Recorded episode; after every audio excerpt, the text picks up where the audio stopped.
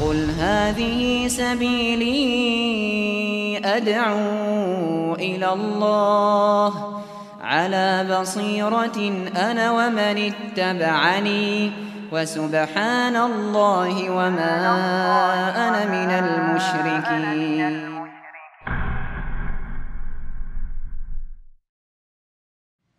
Bismillahirrahmanirrahim Assalamualaikum warahmatullahi wabarakatuh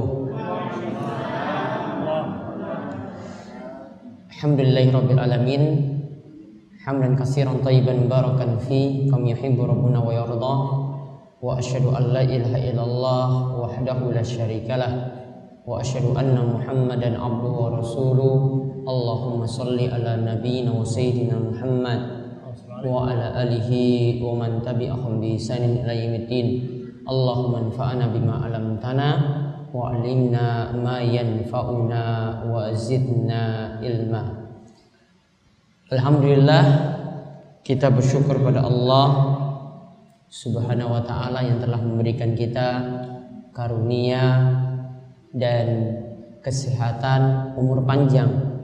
Sehingga di kesempatan pagi hari ini di hari yang penuh berkah hari Jumat di mana hari Jumat ini disebut oleh Nabi kita Muhammad Sallallahu Alaihi Wasallam sebagai hari Id hari besar kaum muslimin setiap pekannya. Jadi hari ini mesti kita agungkan hari ini mesti kita juga isi dengan amalan-amalan soleh di antaranya yang diajarkan oleh Nabi kita Muhammad Sallallahu Alaihi Wasallam. Perbanyaklah solawat pada hari Jumat perbanyaklah solawat pada hari Jumat. Lalu yang kedua ada satu surat yang dianjurkan di hari Jumat sekaligus malam Jumat. Yang ini kata Nabi SAW kita akan mendapatkan kebaikan di antara dua Jumat yaitu membaca surat Al-Kahfi. Membaca surat Al-Kahfi.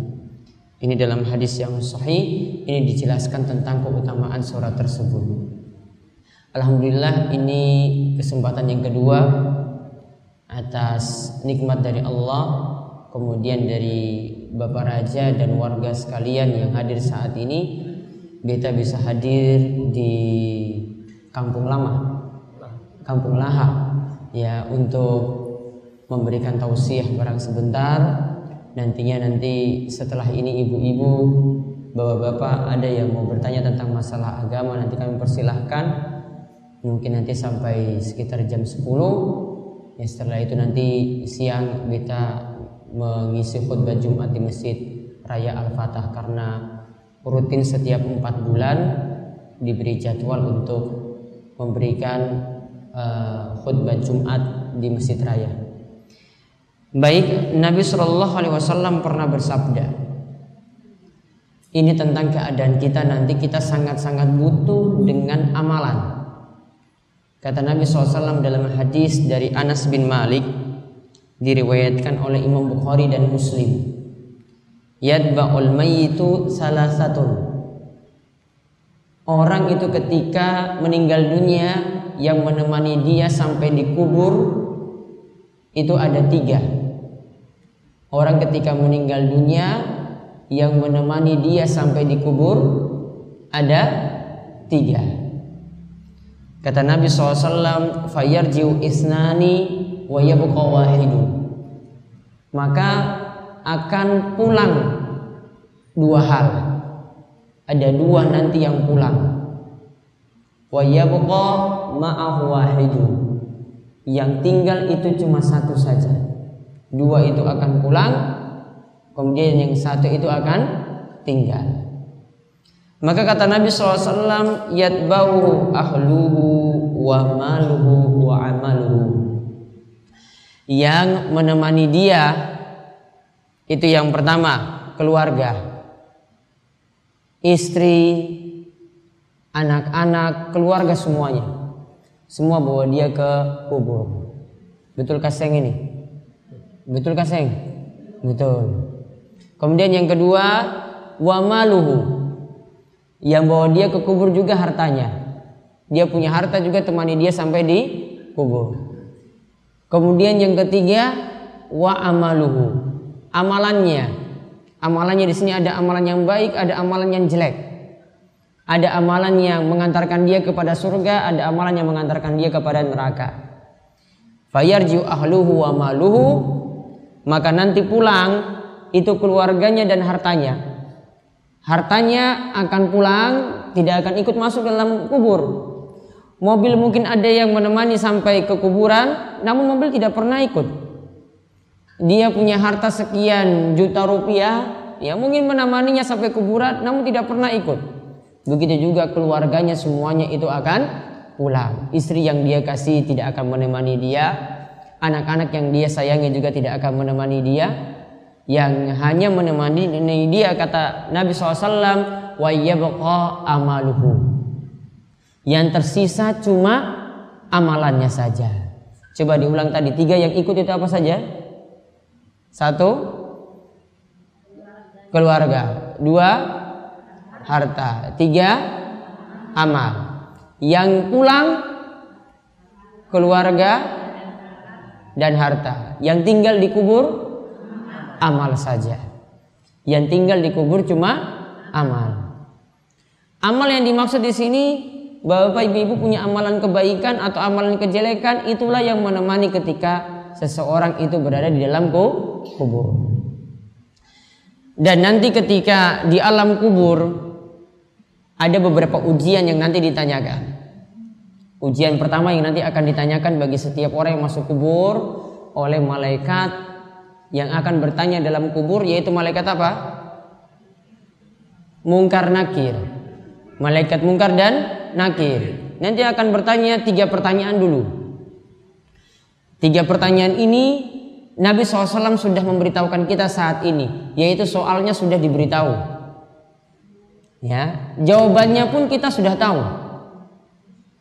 Tiga hal yang ditanya, ya Nabi SAW sebutkan tiga hal yang ditanya. Man rabbuk wa madinuk wa man nabiyuk.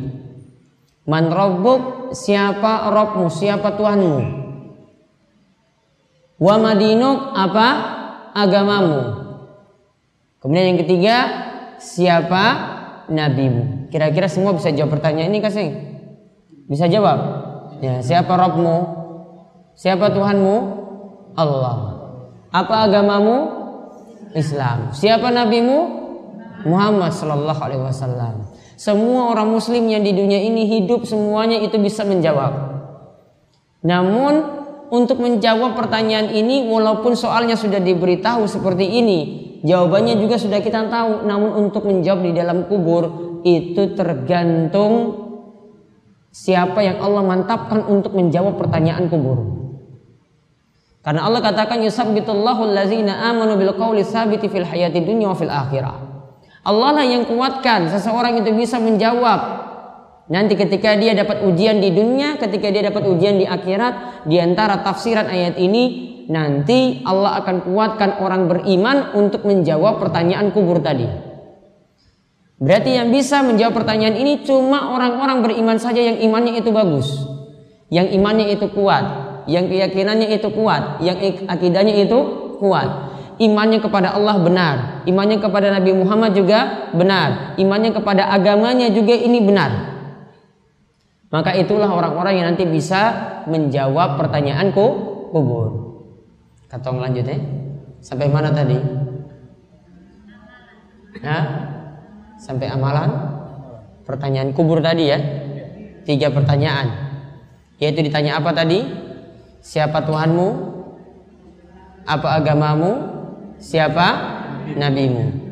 Yang bisa menjawab pertanyaan ini yang tadi kita katakan yang Allah kuatkan imannya. Berarti berarti ini tergantung pada keyakinan. Berarti ini tergantung pada keyakinan kita kepada Allah. Tergantung pada keimanan kita pada Nabi Muhammad. Tergantung pada keyakinan kita pada agama kita, agama Islam. Makanya tidak setiap orang itu bisa menjawab pertanyaan ini dengan mudah. Makanya di antara tuntunan ini mungkin jarang kita tahu ketika kita itu kubur jenazah dalam kubur. Itu ada tuntunan yang Nabi Shallallahu Alaihi Wasallam itu ajarkan pada kita ketika kita mau pergi dari kubur. Itu kan nanti yang akan dimasukkan dalam kubur akan ditanyakan oleh malaikat seperti tadi. Ketika kita beranjak pergi, maka malaikat nanti siap tanya, siapa Tuhanmu, siapa nabimu, apa agamamu.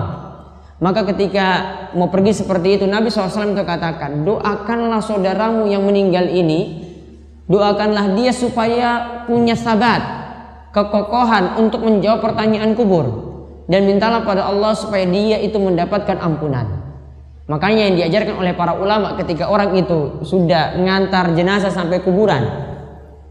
Mengantarkan jenazah sampai kuburan. Kalau mau pergi, bacalah doa Allahumma kfir lahu, Allahumma sabbithu. Allahumma kfir lahu, Allahumma sabbithu. Ya Allah ampunilah dia yang sekarang sudah berada di dalam kubur. Ya Allah kokohkanlah dia supaya dia mudah menjawab pertanyaan kubur. Karena menjawab ini paling mudah adalah dengan melihat kualitas iman kita masing-masing. Ya, maka di antara orang yang sulit jawab pertanyaan kubur itu adalah orang-orang munafik. Adalah orang-orang munafik. Orang munafik itu kata para ulama, imannya itu nampak. Dia itu Islam. Namun Islamnya cuma lahiriah saja, namun batinnya itu tidak Islam sama sekali. Ya. Munafik itu Islamnya itu nampak. Jadi gampangannya kita bilang itu KTP-nya itu Islam. Namun amalannya itu tidak ada, sholatnya itu tidak ada, ibadahnya tidak ada sama sekali seperti itu namun ngaku sebagai orang yang beragama Islam. Ngaku sebagai orang yang beragama Islam namun tidak punya amalan sama sekali. Ini namanya orang apa? Orang munafik. Nah, orang-orang munafik seperti ini bahaya sekali. Disebutkan dalam riwayat ketika ingin menjawab pertanyaan kubur tadi. Ya, disebutkan dalam suatu hadis ditanyakan kepada orang munafik. Kalau orang beriman ditanyakan siapa Rabbmu Allah, siapa nabimu Muhammad, siapa apa agamamu Islam. Orang munafik ketika ditanya seperti itu juga dia cuma mengatakan ha ha la adri. Ha ha aku tidak tahu. Saya tidak bisa, beta saya bisa jawab pertanyaan itu. Jadi ketika dia dalam kubur, dia cuma dia cuma katakan tadi, beta tidak bisa jawab pertanyaan tersebut. Padahal dia katakan, saya itu di dunia tahu ada pertanyaan seperti itu, namun ketika di kubur ini saya tidak bisa menjawabnya. Namun di kubur ini saya tidak bisa men menjawabnya. Padahal ketika di dunia dulu dia tahu ini ada pertanyaan siapa Robmu kita jawab Allah, siapa Nabimu kita jawab Muhammad, apa agamamu kita jawab Islam. Namun ketika di dalam kubur dia tidak bisa menjawab pertanyaan itu sama sekali. Padahal tahu soalnya, tahu juga jawabannya. Karena memang imannya itu tidak kokoh. Imannya itu tidak kuat. Imannya itu bermasalah. Imannya itu dalam keadaan ragu-ragu. Inilah yang membuat kita sulit untuk menjawab pertanyaanku kubur. Maka di samping tadi kita dapat doa dari orang lain dan doa orang lain itu manfaat. Kita juga bisa terus meminta tolong pada Allah Subhanahu wa taala. Doa ini bisa kita baca di akhir sholat lima waktu.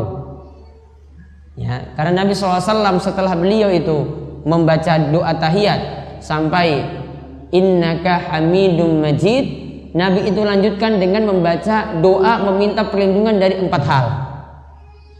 Ada yang pernah amalkan ini doa meminta perlindungan dari empat hal.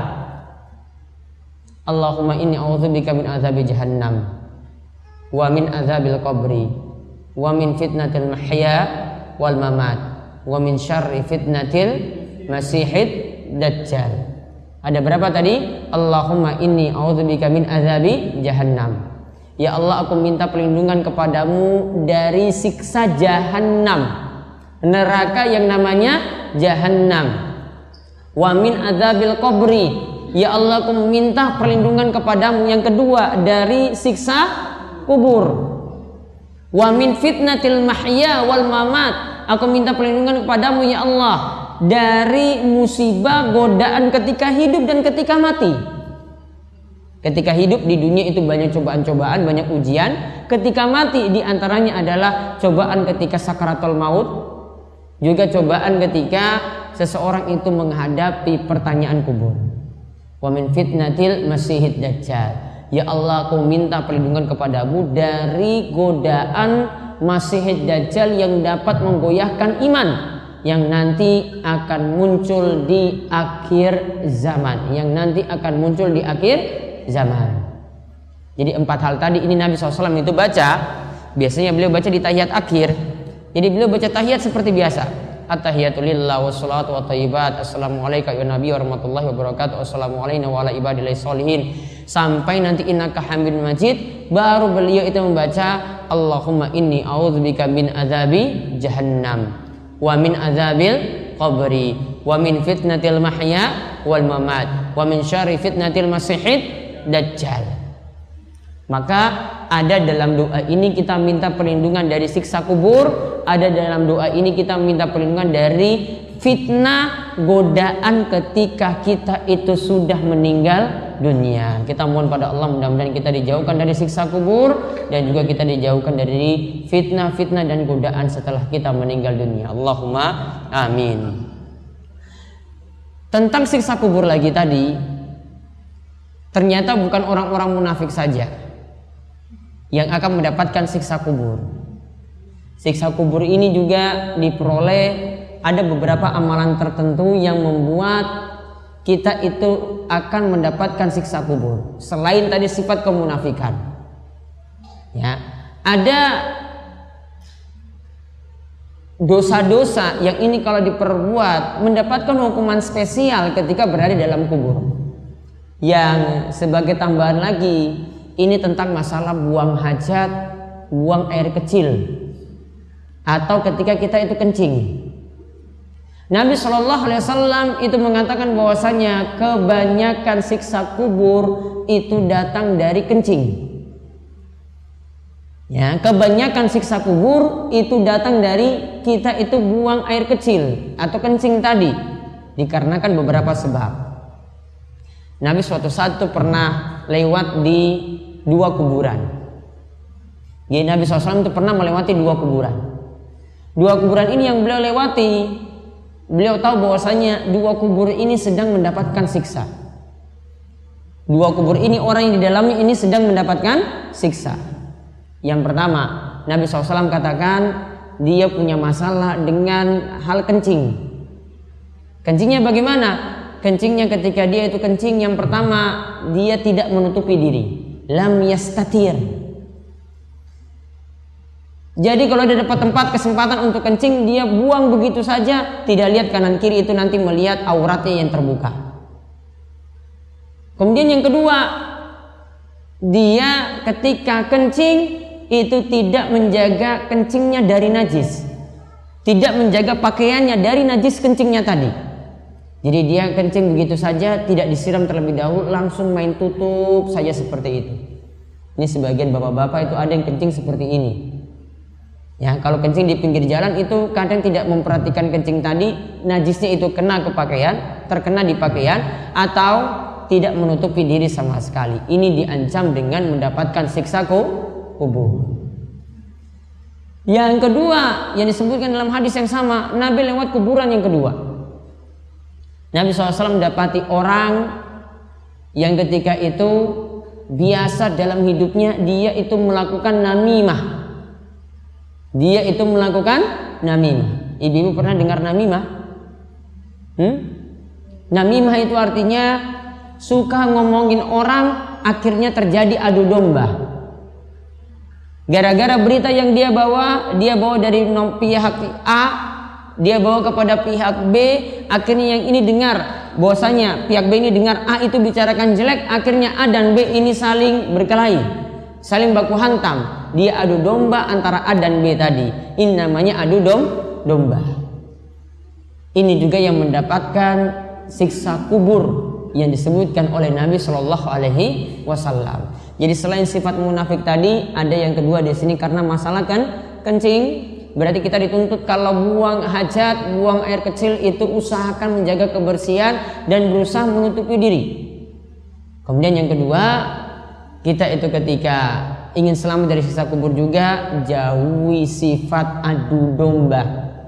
Dan inilah yang disebutkan dalam surat Al-Lahab tentang istri uh, Abu Lahab wa mra'atuhu hammalatal hatab fi jidiha hablum mim masad.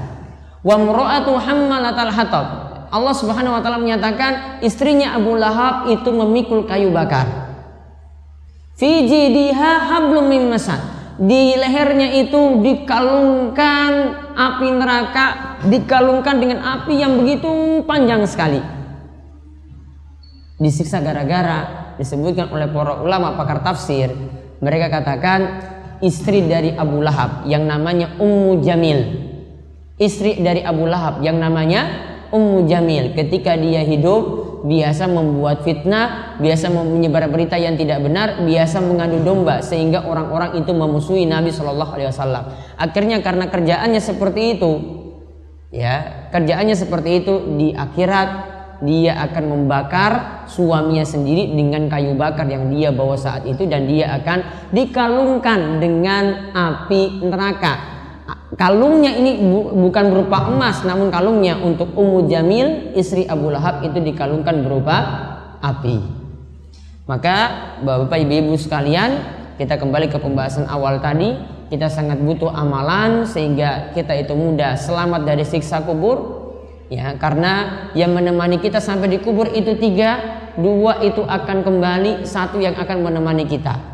Yang menemani kita itu adalah amalan dan amalan inilah yang menyelamatkan kita dari siksa kubur. Dan kita mohon kepada Allah Subhanahu wa taala semoga Allah itu menjauhkan kita dari siksa api neraka jahanam semoga Allah menyelamatkan kita dari siksa kubur menyelamatkan kita dari fitnah hidup dan mati dan menyelamatkan kita dari fitnah masihid dajjal ya itu saja yang kami sampaikan mudah-mudahan bermanfaat ada kurang lebihnya kami mohon maaf wabillahi taufiq wassalamualaikum warahmatullahi wabarakatuh Nah itulah video-video Darussolihin TV. Dukung Darussolihin dan jangan lupa subscribe videonya. Biar mendapatkan ingatan terus setiap hari.